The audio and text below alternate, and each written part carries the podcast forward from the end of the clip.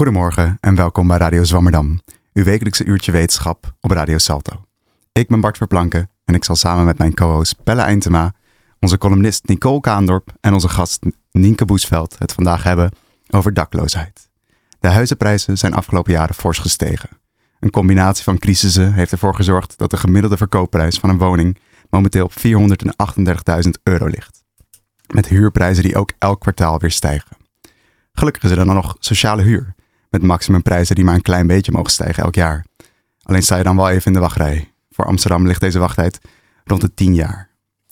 Op 1 januari 2020 telde Nederland naar schatting 36.000 daklozen, 0,2% van de bevolking. Dat dit getal nog zo hoog is in een welvarend land als Nederland is, blijft mij persoonlijk elke keer weer verbazen. Wat zijn de oorzaken hiervan en hoe voorkomen we de dakloosheid het best? Om hierachter te komen gaan we vandaag in gesprek met Nienke Boesveld. Nienke is al jarenlang actief in het veld van dakloosheid. Uh, eerst als beleidsmaker bij de overheid en nu als onderzoekster bij de Universiteit van Amsterdam. Welkom Nienke. Dankjewel. Pelle, eerste vraag aan jou. Uh, wat heb jij persoonlijk met het onderwerp dakloosheid? Uh, ja, hey Bart, dankjewel. Uh, ik, ik, vertelde net aan Nienke dat mijn moeder werkt in de geestelijke gezondheidszorg in Amsterdam. Dus ik ben altijd heel erg um, opgevoed met de problematiek die schuilgaat achter dakloosheid, denk ik, thuis. En dan vooral in ja, de psychiatrie en, en de verslavingszorg. Um, dus ik ben, ben, heel benieuwd naar, naar vandaag. Ja. ja. Um, Nienke, ik vind het fijn zelf om altijd te beginnen met een definitie. En misschien ligt er altijd bij dakloosheid voor de hand, maar wanneer behoort iemand tot de groep daklozen? Uh, als iemand een urgent huisvestingsvraagstuk heeft. Oké. Ja. En ja, vervolgens raakt de definitie meteen weer aan allerlei dingen die mensen ervan vinden. Dus een verdere definitie is heel ingewikkeld. Ja. Kijk, je kan daar bijvoorbeeld aan toevoegen. En iemand is niet in staat of in de gelegenheid of heeft niet de middelen om zelf een oplossing daarvoor te bedenken. Mm -hmm. uh, en, maar dat benadrukt eigenlijk de urgentie van het vraagstuk, denk ik. Oké. Okay. En ja, deze mensen zijn om diverse redenen natuurlijk in die situatie terechtgekomen. Zie je dan welke, welke voorbeelden zijn daar het meest prevalent in? Van wat zijn de, meest, de grootste oorzaken dat mensen dakloos worden? Nou, ik denk in het cohort wat wij eigenlijk in verschillende regio's in Nederland langere tijd, minimaal vijf jaar volgen, um, is er wel iets wat wij noemen het Superman-complex. Uh, en dat raakt er eigenlijk aan dat uh, net als iedereen ook deze mensen proberen hun eigen oplossingen voor uh, wat zij ervaren als hun eigen problemen te bedenken. Um, terwijl deze problemen duidelijk weerbarstiger zijn of moeilijk, te moeilijk zijn om zelf op te lossen. Um, en waarom zeg ik, ze ervaren dit als eigen problemen? Uh, er zijn vaak belangrijke structuurkenmerken, zoals inderdaad gebrekkige beschikbaarheid aan passende en betaalbare woonruimte. Um, en dingen die te maken hebben met de samenwerking uh, in zorg of de beschikbaarheid van zorg, die passend zou kunnen zijn en voor zou kunnen zorgen dat je je huis kunt behouden. Maar dat Superman-complex gaat er ook over dat nou juist deze mensen uh, net te weinig de hulp vragen van een professional of iemand in hun netwerk. We vragen vaak aan mensen die dakloos zijn geworden: was er iemand geweest in jouw netwerk die je had kunnen helpen? En eigenlijk altijd geven mensen wel één of twee mensen aan. Maar een belangrijke reden om het niet te doen is schaamte. Uh, ja, en daar kun je je wat bij voorstellen. Want het zijn wel mensen die zich gewoon schamen voordat het weer mis is gegaan. En dan net op dat laatste moment waarop het voor hun die beslissende factor achteraf had kunnen blijken. Ervoor hebben gekozen, of ja, keuze is natuurlijk ook een ingewikkeld construct, maar niet die hulp hebben ingeschakeld. Oké, okay, dus ze hebben meestal wel een sociaal netwerk waar iemand mogelijk had kunnen helpen. Maar dan speelt toch de schaamte een te grote rol dat ze niet die, die stap maken om diegene te vragen voor ja, hulp. Iedereen heeft een sociaal netwerk. We komen niet uit een ei. Ja. Um, maar er kan wel veel gebeuren in dat sociaal netwerk, wat de draagkracht van het sociaal netwerk ondermijnt. Ik denk een van de meest belangrijke inzichten is dat ook bij mensen die dakloos zijn, dat het uh, heel zinnig en zelfs noodzakelijk is om dat netwerk te blijven betrekken, om dat netwerk te blijven ondersteunen, om de persoon te ondersteunen. Want een professional zal afscheid nemen of het idee is dat hij op een gegeven moment zichzelf onmisbaar maakt. Uh, en dat netwerk zal er uh, eigenlijk altijd wel zijn op een of andere manier. Dat kan heel ingewikkeld zijn. Het kan een heel negatief netwerk zijn. Bijvoorbeeld een crimineel netwerk of een criminele familie waar je uitkomt. Maar dan nog zul je moeten leren je daartoe te verhouden. Uh, op wat voor jou de beste manier is. En Ja. ik denk, ja, dat is eigenlijk wat we ook wel zien. Want als we dus de mensen langdurig volgen, dan zien we dat als mensen weer een huis krijgen aangeboden, krij, uh, aangeboden dat eenzaamheid wel een van de meest weerbarstige problemen is waar we mee te maken hebben als mensen erin slagen om inderdaad de huur te betalen, geen overlast te geven. Dat zijn allerlei voorwaarden die worden gesteld. Maar juist die sociale component van hoe ga je weer in gesprek, bijvoorbeeld met je kinderen, die schaamte die zit er heel diep in. Dus vaak hebben mensen wel kinderen, maar hebben geen contact meer mee.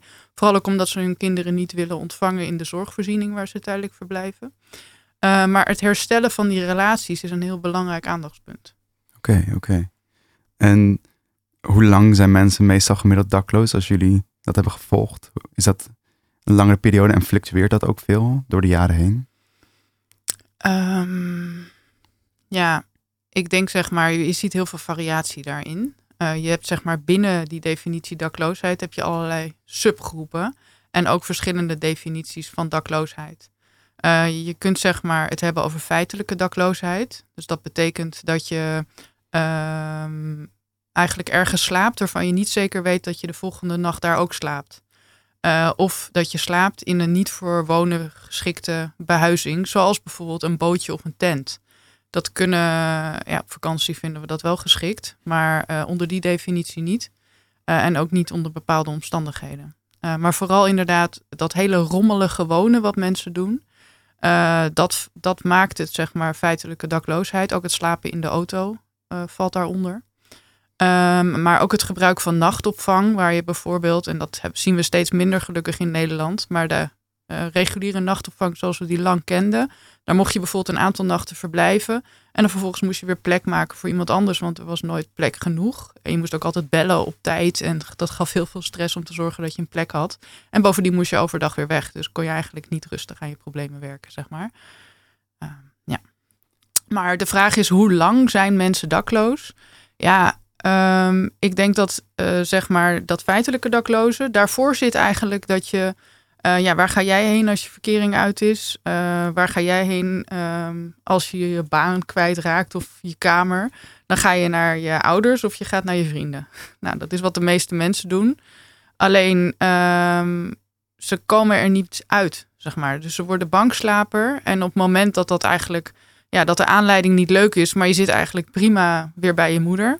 Uh, dan denk ik dat dat iets anders is dan een deel van de bankslapers die elke drie nachten uh, bij een beperkt aantal adressen is. Die daar ook wel allerlei, hè, die doet bijvoorbeeld de boodschappen of helpen in het huishouden.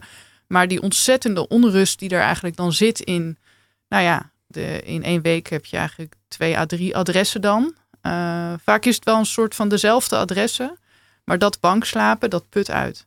Ja. En dan maakt steeds minder mogelijk dat iemand naar school gaat of inderdaad werk heeft of Um, en eigenlijk de normale dingen, zoals werk hebben, dat wordt steeds moeilijker hoe meer je in die situatie komt. Nou ja, dat bankslapen helpt al niet, maar um, dat feitelijk dakloosheid helpt ook niet. Het slapen in je auto helpt ook niet als je de volgende dag op je werk moet zijn. Maar vaak doen mensen dat wel, hè? Uh, en het is eigenlijk heel belangrijk, denk ik, om in de ondersteuning oog te hebben voor die reguliere of normaliserende aspecten van mensen hun leven, die er ook voor zorgen uh, dat ze uh, weerbaar zijn eigenlijk. Um, en die ook aanknopingspunten bieden eigenlijk voor herstel. En het risico wat eigenlijk zit in een gespecialiseerd uh, perspectief op mensen die dakloos zijn, is ja, als het maar lang genoeg slecht met je gaat, dan is er echt wel wat te zeggen over je mentale gesteldheid. maar het risico is dat we dan alleen nog kijken naar de mentale gesteldheid of de niet goed gesteldheid zijn van iemand. En dat is echt veel te smal. Ja. Het is wel belangrijk om daar oog voor te hebben. Um, maar dat wel in het bredere te zien. Hè? Je draagkracht wordt wel um, bevorderd uh, van je, de hinder die je ervaart van een mentaal probleem. Door de andere dingen. Of je veilige huisvesting hebt en waar het warm is. Um, en dat je niet wordt lastiggevallen of niet te veel prikkels zijn. Dat helpt wel. Ja, ik wil graag, heel graag straks nog verder op in op de psychische aspect van dakloosheid. Um, maar misschien nog allereerst, ik noemde in het begin ook het nummer van 36.000 daklozen nu geregistreerd in Nederland. Is het een nummer wat ook veel fluctueert, wat veel verandert over de tijd? Ja.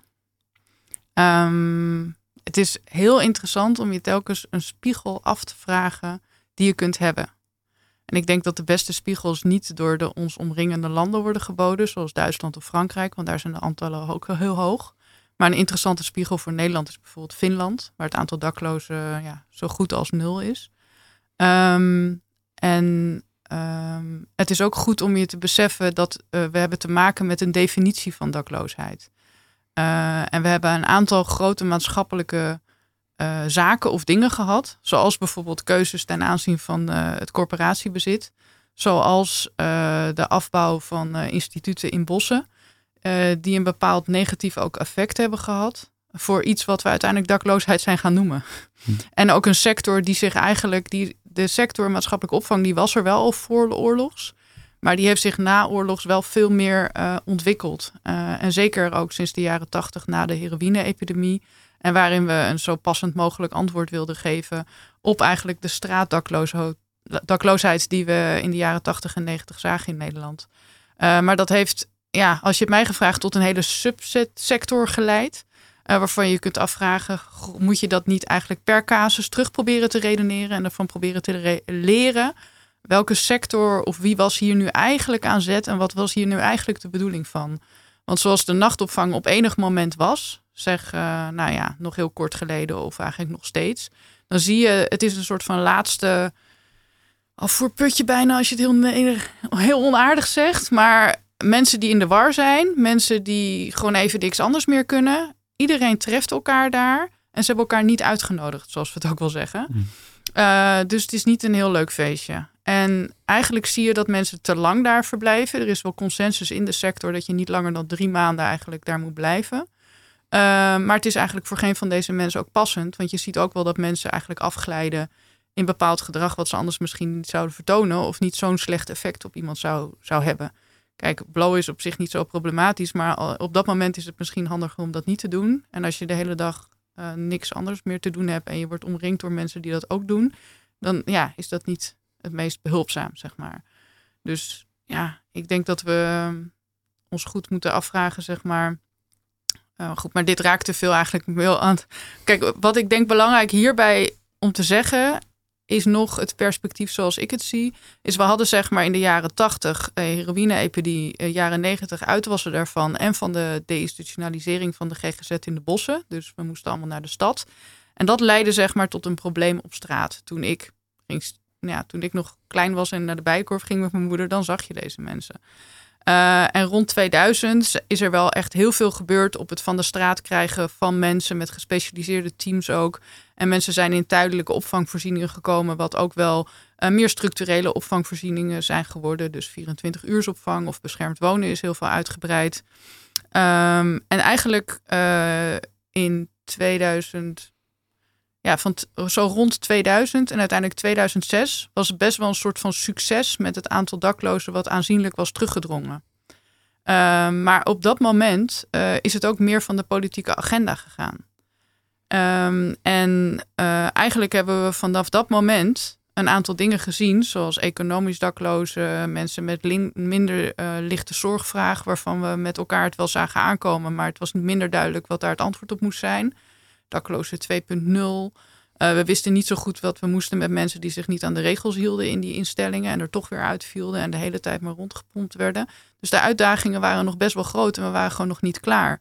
En ondertussen, terwijl we dus inderdaad zo rond 2006 een soort van historisch dieptepunt in positieve zin hadden in het aantal dakloze mensen dat zich melden, is dat vanaf dat moment eigenlijk alleen maar weer toegenomen. En zitten we nu eigenlijk weer op het aantal zoals we dat hadden voor het uh, plan van aanpak wat we rond 2000 hadden.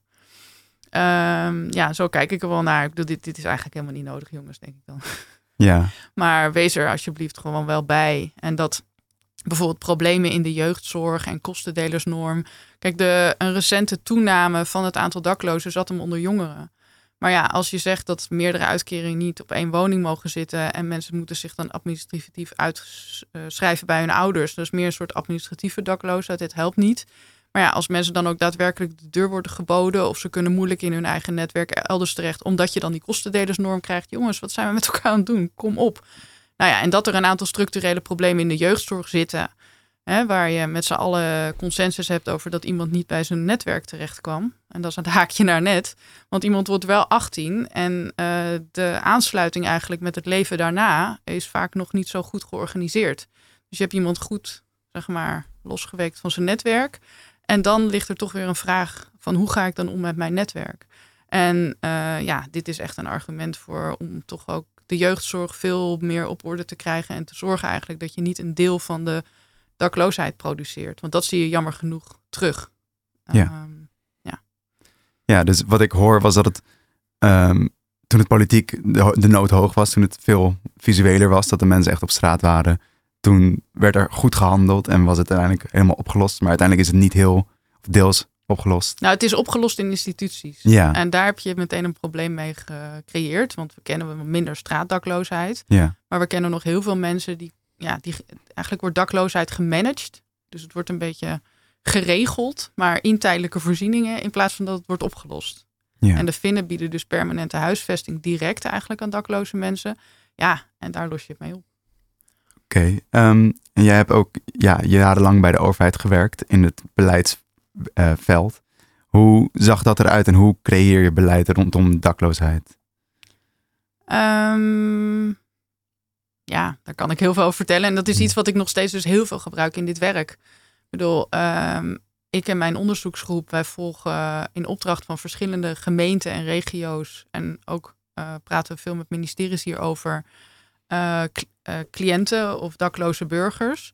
Um, maar wij volgen eigenlijk parallel daaraan steeds de verschillende beleidsmakers op de afdelingen zorg, maar ook de afdeling werk en inkomen en ook de afdeling wonen. Omdat wij denken dat de ideeën en de veronderstellingen die die mensen ook hebben heel erg verklarend zijn eigenlijk voor de ervaren barrières of versnellende factoren in de trajecten van dakloze burgers. Uh, en dat zegt eigenlijk alles over mijn ervaring binnen de gemeente ja, ik heb gewoon gezien dat je uh, ja, eigenlijk in een kleine gemeente heb ik gewerkt. Nou, wat we ook zien in ons onderzoek, daar zijn de lijnen kort en mensen weten elkaar wel te vinden. Maar het komt minder vaak voor en het is vaak ad hoc. En dat maakt het ook wel een beetje van de ene keer lukt het misschien wat sneller dan de andere keer. Het kost misschien relatief veel energie, maar het komt dus ook minder voor. Dit is heel goed om te beseffen met de huidige decentralisatietrend en de doordecentralisatie. Dus uh, ooit en eerst en uh, ja, lang geleden, rond uh, 98 of zo, pin me er niet op vast, maar was zeg maar het budget voor ma uh, maatschappelijke opvang, dus dakloosheid, was echt een centrale verantwoordelijkheid bij het ministerie. En dat is gaandeweg, eerst naar de vier grote steden, uh, want die liepen vooruit met hun problematiek, en uiteindelijk naar ja, 32 centrumgemeenten gegaan. Um, en um, ja, het aantal gemeenten verandert steeds. Dus ik zeg nu 32, maar ik denk hoeveel was daar waren dat er toen. Maar het, waar het om gaat is dat het steeds meer gedecentraliseerd werd. Dus je hebt nu bij de grote gemeenten heb je de middelen voor de maatschappelijke opvang zitten. Maar het idee dat is dat alle gemeenten, dus alle 360 gemeenten, eigenlijk hun eigen daklozen moeten bedienen en daar ook allemaal hun eigen geld voor krijgen. En dat raakt dus eigenlijk aan. Uh, het gaat wel om een uh, onderwerp wat enige expertise vraagt. En vervolgens, nou ja, dan zijn de lijntjes kort. Maar lukt het je dan ook om inderdaad iemand uh, van de GGZ tijdig uh, en passend in je gemeente te krijgen als dat nodig is? Maar ondertussen heb je heel veel uh, gemeenschapskapitaal of te bieden, zeg maar, aan mensen. Maar ben je ook inderdaad in staat om een bepaalde gunfactor of niet te veel last te hebben van stigma met elkaar lokaal? Nou ja, en ik denk dat lukt soms wel en ook soms weer niet. Nou, dat over het lokale. En dan heb ik lang in de grote stad gewerkt. Ja, en daar heb je eigenlijk die korte lijntjes. Uh, die zijn moeilijker. Want je hebt gewoon op de Weesperstraat heb je allerlei gebouwen staan. En elke is eigenlijk één levensdomein. Hmm. en daarbinnen zit heel veel specialisatie. En zijn mensen heel druk. Uh, ja, met allerlei oplossingen eigenlijk samen met partners in de stad. Maar um, ja, al die verschillende gebouwen. Zo leg ik dus ook wel eens uit aan de vierde klassers. Als je in het ene gebouw zit, is het moeilijk degene in het andere gebouw te verstaan. Um, en ja, hoe meer specialisatie je eigenlijk krijgt, hoe meer je ook uh, ja, schotten of silo's krijgt, eigenlijk in de mate van integraliteit van de oplossing die je kunt bieden. Maar ondertussen ook wel weer heel veel specialisatie. Dus dat ik zeg maar de kans kreeg om ook toen ik beleidsmaker was binnen de gemeente te gaan promoveren op het onderwerp dakloosheid. Ja, dat is toch ook wel iets wat hoort bij die specialisatie die je vervolgens hebt in zo'n grote stad. En ik was ook wel veel betrokken al voordat ik ging promoveren. Inderdaad, bij onderzoekers en grotere Europese netwerken op dit gebied. wat ik heel erg leuk vond. Ja. En wat ik bij de gemeente ook heb gedaan, en dat was eigenlijk zoiets van, nou, daar, daar, moet aandacht voor zijn. En daar vragen we dan Nienke, want ik was nog een junior voor, was het betrekken van daklozen bij het maken van beleid. En daar heb ik een beetje uitgehaald wat er wel niet allemaal kan. Ook met het cliëntperspectief, maar ook het inzetten van de ervaringsdeskundigen. Uh, bij uh, ja, het onderzoek wat ik nu doe, maar destijds ook zeg maar, bij het vormgeven van adviezen uh, voor beleid. Um, ja, en ervaringsdeskundigen ja, is dus een bepaalde vorm van professionele groep die er zeg maar tussenin zit en eigenlijk die brug ook heel goed kan slaan. Net zo goed als dat ik eigenlijk zelf zit tussen onderzoek en beleid en die brug ook goed kan slaan. Dus ik denk dat dat heel erg helpt. En vooral ook die ervaring die ik toen heb gehad om heel veel met cliënten te mogen praten ter voorbereiding van hun gesprek met een wethouder. Ja, daar had ik uiteindelijk heel, veel aan, zeg maar. In dat ik dan kon zeggen, ja, maar is de ervaring niet echt net anders of zo als ik dan in gesprek was met een eh, GGZ-instelling of met een andere maatschappelijke partij. En uiteindelijk ook toen ik richting onderzoek ging, uh, dat ik heel erg helder had dat ik dat perspectief goed voor het voetlicht wilde brengen. En hoe dan? Ja, ja dat is supergoed dat er ook dat de mensen die daadwerkelijk ook hebben meegemaakt, worden betrokken bij het beleid.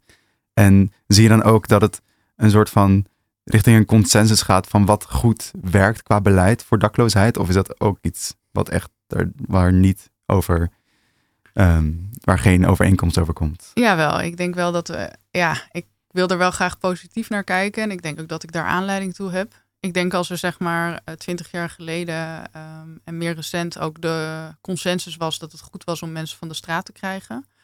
Ehm, dat er ook wel steeds meer het inzicht is gekomen van uh, de niet-werkzaamheid van instituties. Ehm, voor sommige mensen wel, maar voor een hoop mensen niet.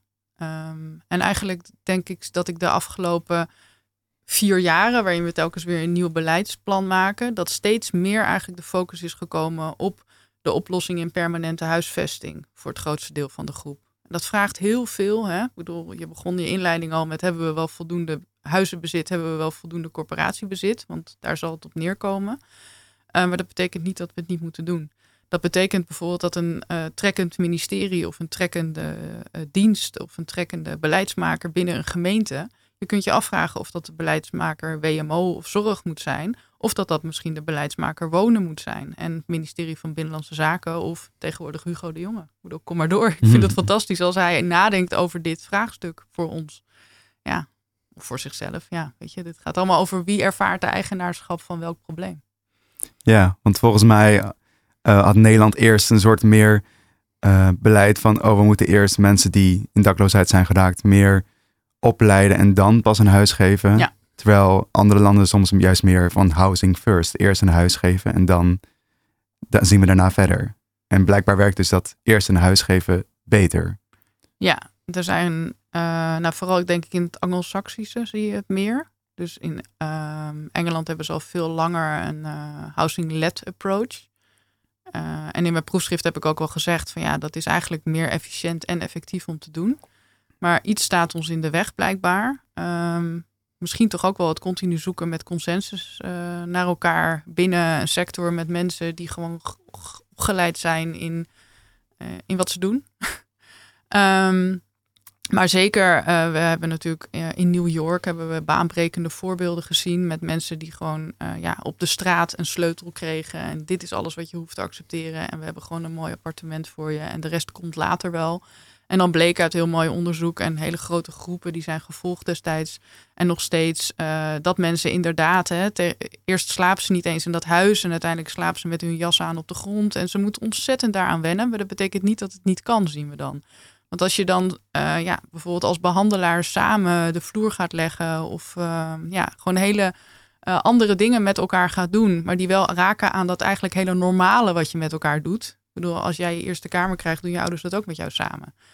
En die aansluiting telkens probeert te zoeken. Ook bij mensen die dit. Ze zijn dit dus in eerste instantie in New York gaan doen met de mensen met het boodschappenkarretje die prevalent voor zich uitliepen. Hè? Dus de meest onbereikte groep.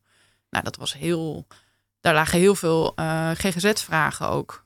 Uh, en daarmee is het ook wel veel binnen de GGZ doorontwikkeld. Uh, dat was in New York. Maar eh, die eye-opener van inderdaad, we zien mensen die telkens weer moeten leren goed gedrag. Uh, maar die, dat lukt ze niet in die instituties, die vallen daaruit. En waarom draaien we het niet om? Doen we eerst de huisvesting. En dan zie je inderdaad dat die uh, zorgacceptatie en ook andere dingen gaan doen, zeg maar, om uiteindelijk die woning te behouden. Want dat is natuurlijk wel de holy grail vaak. Uh, dat dat wel werkt, maar dat je daar echt de tijd voor moet nemen. En dat je dus ook werkers heel specialistisch bijna moet opleiden om aan die vraag te kunnen voldoen. Um, en ik denk dat we hebben dat inderdaad in Amerika gezien. We hebben dat in een aantal Anglo-Saxische contexten gezien. We zien het ook in Scandinavië en dus vooral eigenlijk in, uh, in Finland. Uh, en dat is wel heel interessant, want we willen graag denken dat Finland veel op ons lijkt. Hè, zoals sociaal-democratisch verzorgingsstaatachtig verhaal.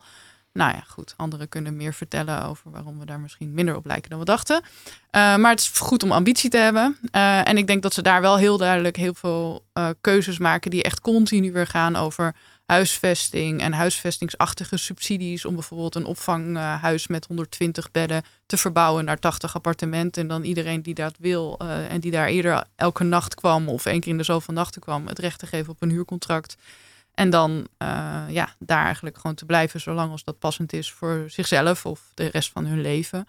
En nou ja, we hebben allerlei debat wel gezien internationaal over moet je iemand nou gewoon een woning krijgen geven ergens in een wijk. Of is het het beste dat je met een aantal mensen samen in zo'n appartementencomplex komt. Maar het idee dat je die huisvesting zo stabiel mogelijk en zo permanent moet mogelijk hebben voor je meest kwetsbare groep. Dat besef dat begint ook wel steeds meer te komen, ook binnen de Nederlandse context. Ja, het klinkt als een stuk mens, een menselijkere aanpak dan, uh, dan dat we eerst hadden. Ja, maar dat wordt niet altijd zo ervaren. Hè? Mm. Door het idee dat je iemand met heel veel problemen in een eigen woning zet. Ja, er zijn ook mensen die voelen dat dat heel erg ingaat tegen wat zij denken dat passend is. Um, en daar moet je dus echt wel met elkaar over praten en dat moet je afpellen. Stel dat iemand uh, uh, ja, gevaar voor zichzelf is of zo. Dan moet je goed met elkaar hebben over hoe richt je dat in. Maar we hebben expertise daarover binnen de wet, wetverplichte GGZ. Uh, en, je, en ook oplossingen thuis hebben we daarvoor bijvoorbeeld. Dus je hebt elkaar wel heel erg nodig in het gesprek daarover. En bijvoorbeeld ook harm reduction, dat zit heel erg in die aanpak. Dus het idee dat je niet zegt tegen iemand van nou, je mag je drugs niet gebruiken of je moet juist je pillen slikken voor je uh, psychiatrische vraag. Um, dat is harm reduction approach. Maar dat vraagt dus echt wel dat mensen worden meegenomen in waarom het kan en wat daarbinnen ook uh, haalbaar is uh, en hoe je dat met elkaar doet. En het gezamenlijk leren daarin, dat uh, gun ik echt nog veel meer ja, professionals in Nederland op het gebied van huisvesting, dus de corporaties, op het gebied van de zorg en de begeleiding. Uh, en ook vanuit de gemeente, want vanuit de gemeente worden toch ook veel beslissingen gemaakt over wie, wat, wie wat wel en niet krijgt. Dus dan moet je ook goed weten waar je het over hebt met elkaar. Oké. Okay. Maar ik denk dus eigenlijk ook dat dat die ontzettende focus op iemands huisvesting uh, behouden, dat dat dus ook onderdeel is van preventie. Dus als iemand kwetsbaar wordt en uh, er aanzeggen komen, komen vanuit de corporatie, Um, dat je op dat moment ook al eigenlijk met zo'n gespecialiseerd team er snel bij moet zijn. Om te zorgen dat iemand never nooit niet bij die poorten van de gemeente komt om zich dakloos te noemen, melden. En dan er weer uit moet. Dus ja, eigenlijk zou ik willen dat elk team in de wijk weet wat het risico op dakloosheid is. En daar dus ook voldoende uh, met expertise op kan acteren. Want het begint en eindigt in de wijk. We hebben het net uh, heel erg gehad over uit die instellingen uh, gaan. Je, je, noemt net de professionals in de wijk die uh, ervoor kunnen zorgen ja, dat in eerste instantie niks gebeurt. als iemand een huis heeft, in hoeverre speelt het normale netwerk van iemand dan een belangrijke rol om, om, om dat huis te, te, houden of te weten wat hij dan vervolgens met zijn dag moet, moet gaan doen? Of ja, om weer terug in de samenleving. Ja, ik denk komen. dat we daar ook mee begonnen. Ja. Um, hoe zorgen we ervoor dat, dat, dat ja, die kring er weer want komt? ik denk dat het antwoord is minimaal op dit moment. Wat je toch wel veel ziet in de cohorten die wij volgen, is dat mensen inderdaad uitstromen en ze worden daar redelijk op voorbereid. En er valt een hoop over te zeggen. Maar goed, dan wonen ze uiteindelijk zelfstandig en ze wonen het jaar daar ook nog steeds zelfstandig. Maar je ziet dat eigenlijk uh, met een beetje pech in veel gevallen uh, het contact wat mensen hebben, dat dat heel uh, smal is. Dus bijvoorbeeld dat alleen hun uh, beschermd wonenbegeleider van voorheen de instellingen, die dan nu nog elke week langskomt, of één keer in de twee weken, dat het een van de weinige contacten uh, is die men heeft. Ehm, ja, dit is echt, ja, je, je wil, ja, als je het mij vraagt, wil je dus echt wel dat de opgave van zo'n woonbegeleider, die dan ambulant begeleider is, dat die dus bijvoorbeeld ook de sociale kaart of het netwerk in de wijk erbij betrekt. Maar ja, daar kom je ook weer een beetje aan dat het belangrijkste kenmerk van deze mensen vaak is dat ze moeten. Kijk, die netwerken in de wijk, die zijn vaak wel ingericht, vraaggericht. Dus mensen moeten daar zelf naartoe gaan. Een buurthuis moet je zelf naartoe gaan. Terwijl misschien ook een buurthuis misschien een keer iemand moet komen halen. Of dat je daar toch iets op moet gaan bedenken. Want ja, dat gaat niet vanzelf, zeg maar. Spelen wij daar als uh, individuele burgers ook nog een rol in? Zouden wij zelf actiever uh, uh, op zoek kunnen gaan naar mensen die misschien één keer in de week onze aandacht nodig hebben? Of, um, ja. Of vind je dat, ondertussen... gevaarlijk om te zeggen, omdat nee, het ook heel erg over ja. instanties gaat? Nou, nee. Um, even kijken. Kijk, ik denk dat je het niet eens zo heel erg hoeft te zoeken bij um, iemand die je niet kent. Maar dat je het vooral moet zoeken bij iemand die je wel kent. En daar eigenlijk met z'n allen en ook wel met een soort van morele basis bij moet blijven. Uh, ik denk dat we allemaal, en zeker ook als je student kent, ken je wel mensen die eruit vallen, die bijvoorbeeld worden opgenomen. En hoe zorg je dan dat ze weer terugkomen bij de opleiding? Hoe zorg je dat je.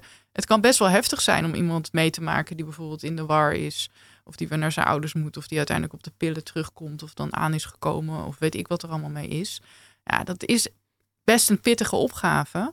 Uh, maar betekent niet dat je dat niet met z'n allen moet aangaan, uh, de sociale opgave daarbinnen. Uh, nou ja, daar kunnen jullie waarschijnlijk alles bij voorstellen. Um, ja, en dan.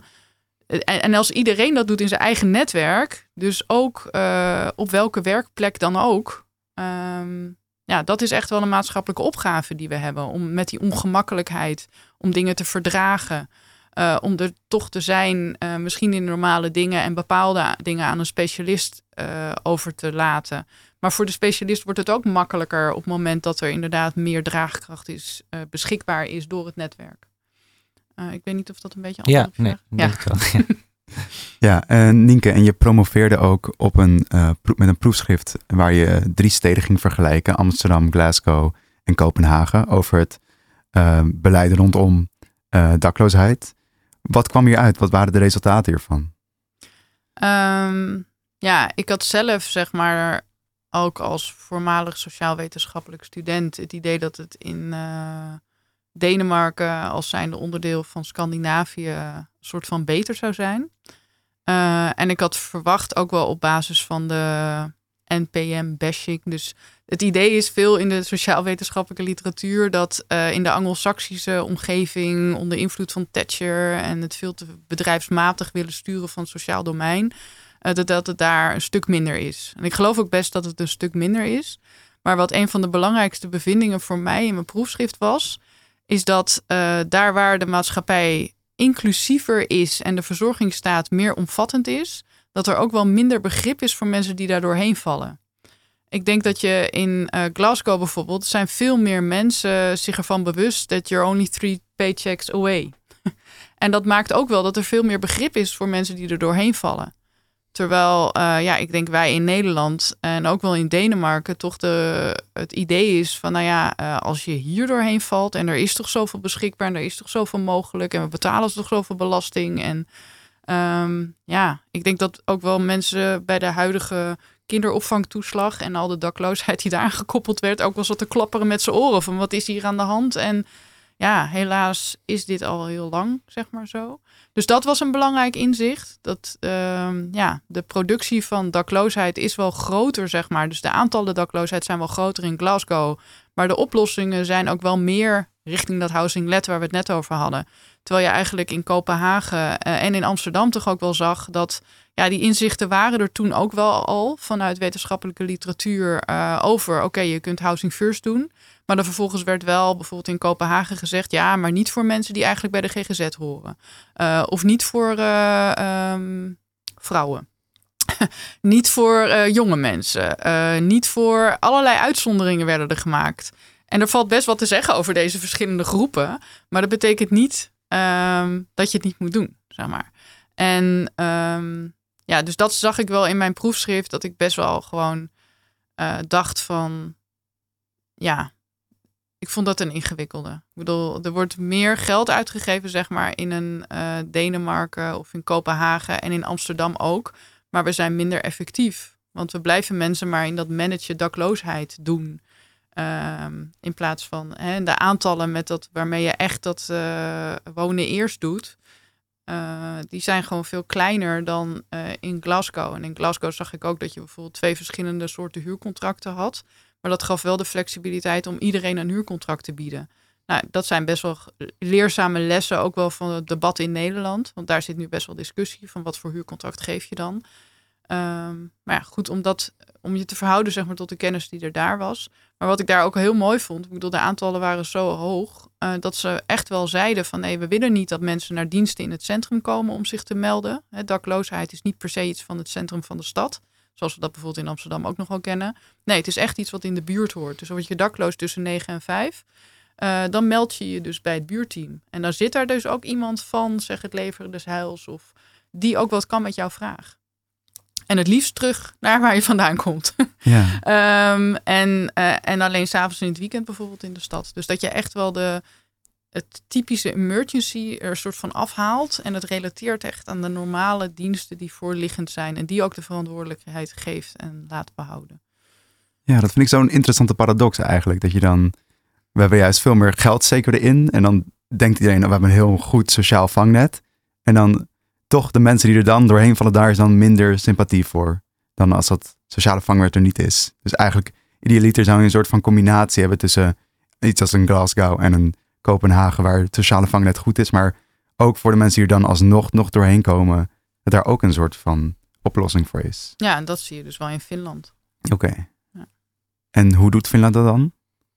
Um, ja, ik bedoel, zij waren best wel later nog dan in Nederland uh, begonnen, zeg maar, met het oplossen van dat probleem met een grote instelling waar mensen alleen s'nachts mogen zijn. En uh, ja, echt de ouderwetse nachtopvang.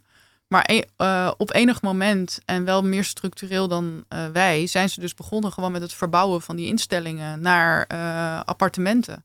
En daar werd nog best wel een beetje met argusogen naar gekeken. Van oh, oh niet in de wijk dan en niet gespikkeld en geen corporatiebezit. Maar ze zijn gewoon simpelweg dat gaan verbouwen. En vervolgens heel veel extra gaan bouwen in wijken. met geld wat ze daarvoor vrij hadden gemaakt. Um, ja, en uiteindelijk zie je wel dat daar ehm, ja, ze zeggen gewoon echt van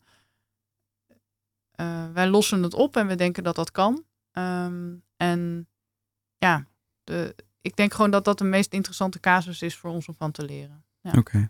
En... en ook zeg maar de mate van integraliteit van de aanpak. Uh, het feit dat het initiatief lag bij het ministerie van uh, Huisvesting. Dat daar de grote subsidies vanaf kwamen. Um, en dan nog zijn er allerlei uitdagingen over hoe betrek je de mental health professional, hoe doe je van alles en nog wat. Dus het is echt niet zo, dat is nog steeds een echt land met echte uitdagingen. Um, maar ik denk wel dat we daar veel aan kunnen hebben van hoe ze dat daar doen. Ja. ja. Op dit vlak is het een goed voorbeeld. Zeker, zeker. Ja, okay. ook op een andere, aantal andere Ja. ja, goed. Uh, ja, en ik doe dus inderdaad ook opleidingsprogramma's uh, met uh, professionals, beleidsprofessionals van die verschillende afdelingen, zoals ik net zei. Hè, dus corporaties, zorgprofessionals. Maar ook binnen mensen binnen gemeenten, waarin ik dit allemaal uitleg en vaak ook dan nog met hun op studiereis gaan naar Finland. Om het echt te laten zien en ook vooral met elkaar heel veel te praten over waarom het zo moeilijk is je voor te stellen dat we dit zouden hebben in Nederland. En ik denk, ja, we hebben nu al voor de tiende keer zeg maar dat we dat programma doen. En ik hoop gewoon dat dat ook bijdraagt aan het gesprek wat we binnen Nederland in al die gemeenten waar ik het net over had, moeten voeren over oké, waar gaan we nu heen als het steeds meer wonen eerst wordt? Ja. En hoe ziet je huidige onderzoek er nu uit bij de UvA? Wat, uh, waar ben je nu op gefocust? Nou, um, ik denk wel dat wat heel mooi is, is dat we eigenlijk al sinds 2018 uh, cohorten volgen. Maar dat betekent ook dat ik nu na vijf jaar een aantal cohorten aan het afronden ben. Uh, en dat ik ook wel nu eigenlijk ook mooi kan zien welke subcategorieën kan je daaronder scheiden. En dat we een ja, we hebben gewoon een hele grote database. Uh, omdat we gewoon heel open vragen aan mensen hoe gaat het met je? En dan verschillende levensgebieden afvra- uitvragen. We best wel heel veel antwoorden op vragen van nu kunnen geven. Um, Dus ik denk binnen mijn onderzoek denk ik ook wel van we moeten goed zorgen dat we ook die overkoepelende vragen, dus niet het rapport dat we aan één gemeente hebben gegeven, maar die overkoepelende vragen, dat we in de gelegenheid zijn om die er ook uit te halen. Ehm, en daarnaast uh, ja, uh, denk ik dat het heel interessant is omdat wonen eerst, uh, dat dat nu steeds, maar, steeds meer zeg maar, het onderwerp is. Kijk, we hebben altijd al gevolgd de mate waarin mensen in staat worden gesteld om uit te stromen. Dus dat is al een soort van richting wonen. Hè? Um, maar we waren in Nederland toen nog heel veel verder dan we nu zijn, denk ik. Ook wel in het denken. En er zijn ook al meer mensen uitgestroomd. En we hebben al die ervaring met die mensen die al langer in de wijk wonen, maar wel met één contact, eh, wat het kwetsbaar maakt. Dus we weten al zoveel. Ja, en dan vind ik het zelf heel interessant om ook uh, bij te gaan dragen aan een kennisagenda, een nationale kennisagenda op het gebied van uh, dit thema. Dus van wonen eerst en hoe we echt kunnen doorpakken hierop. Oké, en je werkt ook vaak met ervaringsdeskundigen, toch? Ja. Er zijn mensen die dan vroeger dakloos zijn geweest. Um, hoe voegen zij, wat, wat, wat is hun toevoeging aan dit gesprek? Um, nou, ik denk dat ik het uh, vorm geef. Nou, sowieso praten zij vanuit hun eigen ervaring, maar daar hebben ze dan vaak een traject ook op gevolgd uh, om dat goed te kunnen vertalen naar uh, adviezen, zeg maar. In eerste instantie vaak voor de hulpverlening. Maar uh, ja, zoals ik dus inderdaad in mijn beleidsbaan destijds deed, ook hoe ze hun eigen ervaringen en die van anderen kunnen vertalen naar uh, beleid en beleidsadvies. Uh, um, en de rol die ervaringsdeskundigen in mijn team hebben. Um, de grootste rol is die zij hebben in het interviewen van cliënten die wij volgen. Dus elk interview wat wij met een cliënt doen, gebeurt altijd door een duo. Dus dat is altijd een universitair onderzoeker uit ons team. Um, en een ervaringsdeskundige die voor dat doel getraind is. En het is ook belangrijk, want we doen dit eigenlijk al sinds 2018, dat wij ook wel zien dat er een. Ja, je hebt hier een veronderstelde binary. Hè? Dat de universitair onderzoeker geen ervaring op GGZ of dakloosheid zou hebben. En dat de ervaringsdeskundige onderzoeker geen universitaire opleiding zou hebben. En je ziet dat dat best wel door elkaar heen loopt. Uh, gelukkig maar, ik bedoel, zo is de wereld. Uh, maar dat we ook wel weten van oké, okay, ik heb nu deze rol en jij hebt die rol. En dat we ook wel goed in gesprek zijn met elkaar daarover. Maar wat dat betreft is het veel meer uh, ja, fluïde, denk ik, in wie wat te zeggen heeft ook uiteindelijk of zo. Dat, ik bedoel, als we bijvoorbeeld bevindingen hebben en dan is er gewoon ja, een soort van helderheid ook wel vanuit welk perspectief je praat. Maar dat eigenlijk die verschillende perspectieven evenveel waarde hebben. Ik vind ook niet dat je zegt, ja, de ervaring is alles en de wetenschappelijke kennis is helemaal niks meer. Want ik denk ook niet dat dat de juiste weg is om te gaan. Maar een goede uh, verhouding uh, tussen die verschillende perspectieven is precies dat wat ik zinnig vind om te doen. Ja, een mooie combinatie. En dat maakt misschien ook met een ervaringsdeskundige bij, bij het gesprek, maakt het misschien ook makkelijker voor de cliënt om hun verhaal te doen. Oh ja, ik denk zelf, uh, en dat zien wij dus ook, en daar ben ik nu ook over aan het publiceren, is dat zeg maar de. Um, de vraag achter de vraag, de thema's die gevoelig liggen, bijvoorbeeld dat thema van schaamte. Of uh, vaak, vaak was bij het tweede interview komen we erachter dat mensen eigenlijk kinderen hebben. Uh, dingen die te maken hebben met uh, drugsgebruik, dingen waar schaamte achter zit, dingen die ongemakkelijk zijn. Ook een thema als ondermijning. Weet je, als iemand echt criminelen achter zich aan hebben of onderdeel uitmaken van zo'n netwerk, dan is dat iets wat nog helemaal niet veel bekend is en waar mensen eigenlijk ook wel uh, vragen op hebben en ondersteuning op zouden moeten krijgen. Nou ja, dat is iets waar we ook wel de vinger achter krijgen, omdat onze ervaringsdeskundigen uh, die wereld zo goed van binnen kennen. Ja. En ja, dat vind ik super en dat leidt echt tot betere data. Mm -hmm. En ik zag ook dat je een beetje nu meer gefocust bent op um, begeleid wonen. En wat is de functie van begeleid wonen in, in dit probleem? Misschien moet ik even een tegenvraag stellen. Want wat bedoel je precies met begeleid wonen? Want dat, wat, we, wat we zien is zeg maar in verschillende gemeenten... is dat ze allemaal dezelfde dingen anders noemen. Um, onder begeleid wonen zou ik denk ik verstaan... dat je zelfstandig woont in de wijk. Al nog niet met een eigen huurcontract. Maar feitelijk kan het ook een vorm zijn waar je een eigen huurcontract hebt. En eigenlijk daar altijd al woont. En op dit moment een vraag hebt aan iemand die dan bij jou thuis komt om jou te begeleiden. Mm -hmm. um, ja, dat is denk ik wat ik eronder versta, ja. Maar wat was je vraag dan? Ja, van hoe dat, um, is dat, is dat iets wat belangrijker is geworden? Van dat er uh, plekken zijn die, waar je niet volledig zelfstandig wordt neergezet. Dus als je van een dakloze uh, achtergrond komt, dat je dan helemaal in je eentje wordt overgelaten. En je koppelt dus aan de plek. Kijk, ja. je ziet namelijk ook tussen, tussenvormen. Um, eh, dat noemen ze ook wel doorstroomwoningen bijvoorbeeld. Ja, ik heb daar een aantal vraagtekens bij. Want iemand kan succesvol op die doorstroomwoning zitten. En dan vervolgens moet je weer gaan verhuizen. En dan denk ik, ja, kan je dat niet gewoon omklappen? Oké, oké. En dan een nieuwe woning weer krijgen als zorgorganisatie. Dus ja, daarom ben ik een beetje nu wel heel specifiek op de definitie of zo van wat je vraagt. Kijk, je hebt gewoon het, het uh, product ambulante begeleiding vanuit gemeente. Dat is een zorgproduct. Dus dat heeft niks te maken met waar iemand woont. Bij zijn ouders of bij een hospita of in een instelling. Maar jij komt ambulant die begeleiding bieden. Dat is iets anders dan zorg. Uh, je kunt ook een behandelcontact ambulant hebben. Uh, dus niet gekoppeld aan een plek. Oké. En dan, uh, ja, dus een traject kan dan dus bestaan uit dat een corporatie een woning levert. Of zorgt dat je die kan behouden. En dat een ambulant begeleider dan de begeleiding biedt. Maar je ziet ook wel dat inderdaad er een instelling is en dat ze dan wat woningen eromheen hebben. En dat noemen ze dan een soort aanleunwoningen of satellietwoningen of doorstroomwoningen. Nou, bij die laatste wordt het nog spannender. En bij satelliet eigenlijk ook en bij aanleun ook. Want wat als het goed met je gaat? Moet je dan verhuizen? Terwijl we weten dat verhuizen voor iedereen een big life event is. Dat is misschien niet zo'n goed idee dan, denk ik. Ja. Wordt het dan niet te complex gemaakt? Dat er te veel opties zijn, te veel soort van oplossingen voor het probleem? Nou, ik denk dat ja, we maken het heel complex, want we willen iedereen meenemen op dit moment en ook wonen eerst. Kent dan heel veel verschillende interpretatievormen binnen het Nederlands. Daar zit wel een zorg. Hm. Um, maar ik denk dat hoe we daar uitkomen is continu eigenlijk toch wel die focus houden op uh, we moeten de kwetsbaarste mensen zo stabiel mogelijk huisvesten. Zodat ze er gewoon 80 kunnen worden als ze dat worden. En ook wel dat idee van normaliseren. Uh, en dan wat is daar nog meer voor nodig om dat te ondersteunen? Ja, dat eigenlijk. Oké. Okay. Maakt het heel veel uit waar mensen uh, een woning krijgen? Um, dat hangt heel erg van het mens zelf af. Ja. ik bedoel, als je zeg maar uh, hele vervelende ervaring in een buurt hebt gehad, dan is het misschien handiger om ergens anders. In, bijvoorbeeld in Amsterdam kun je volgens mij zeggen: ik wil niet in die buurt, maar niet per se ik wil in Zuid of zo.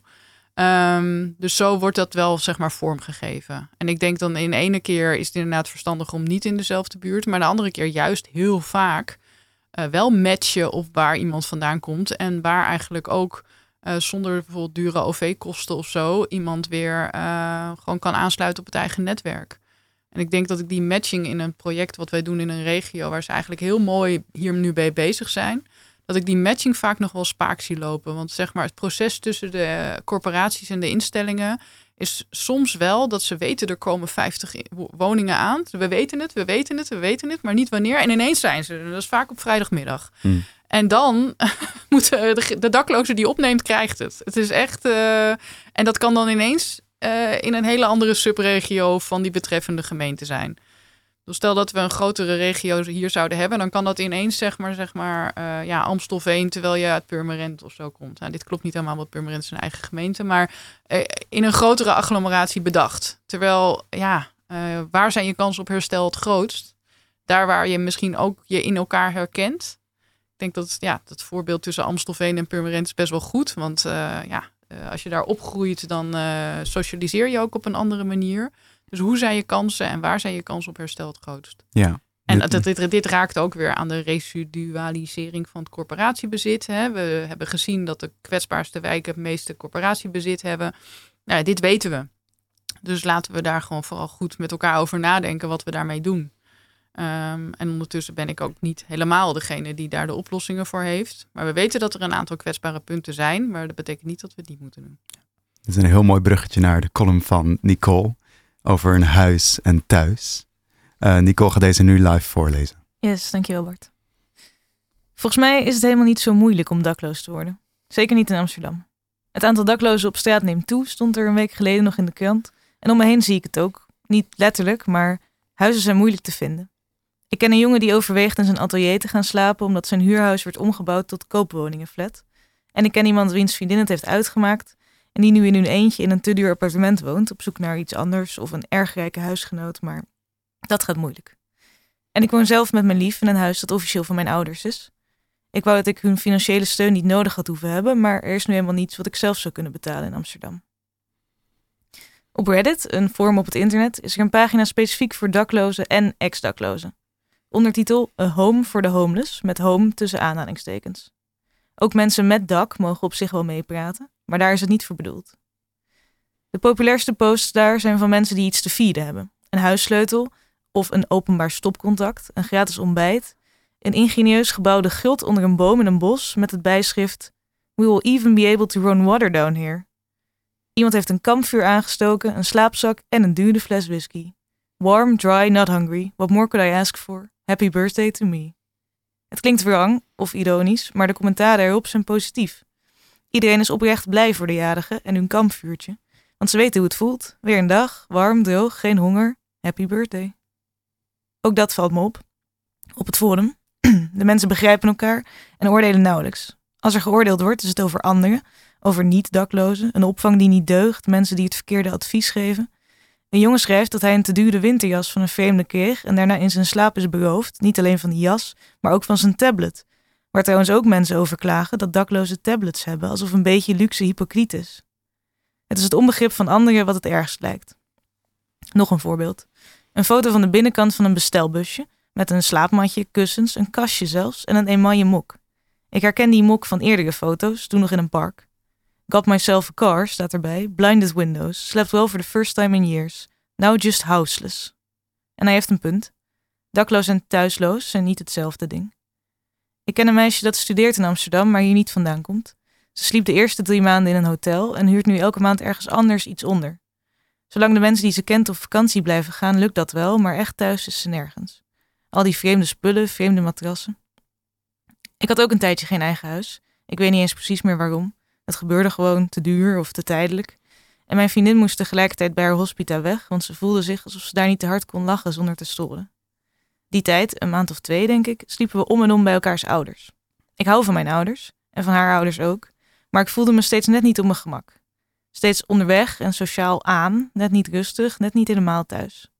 Dat thuis ging ik dan maar in andere dingen zoeken.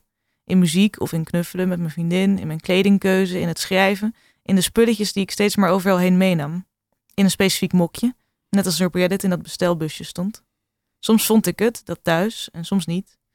Ik geloof dat ik niet zo aardig was in die tijd, een beetje te veel bezig met de situatie. Ik weet niet hoe het is om letterlijk dakloos te zijn en laat ik dat maar even afkloppen. Maar thuisloos kan ik me voorstellen. Wel meer mensen kunnen dat, volgens mij.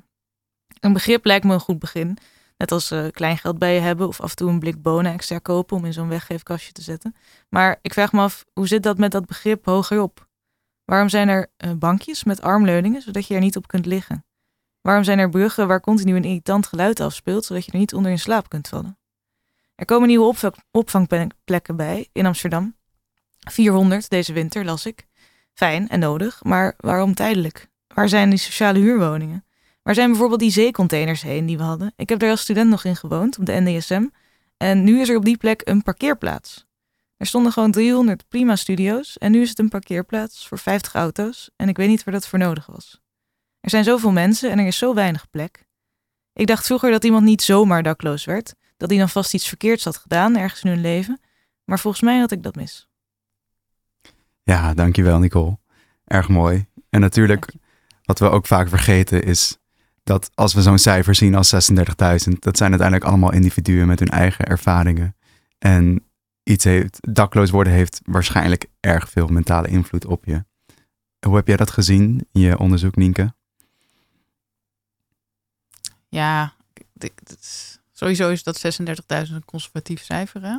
Door vooral dat men dat het rommelig wonen en dat bankslapen, daar hebben we onvoldoende zicht op. Terwijl we ook allerlei dingen meetellen die misschien. Nou ja, goed. Het is een ingewikkeld cijfer en het ligt waarschijnlijk hoger. Ehm, ja, ik denk van mentale gezondheid is het een beetje een kip-ei verhaal. als het maar lang genoeg slecht met je gaat. En wat jij net zegt, je bent net een beetje te druk met iets en je bent net wat minder aardig.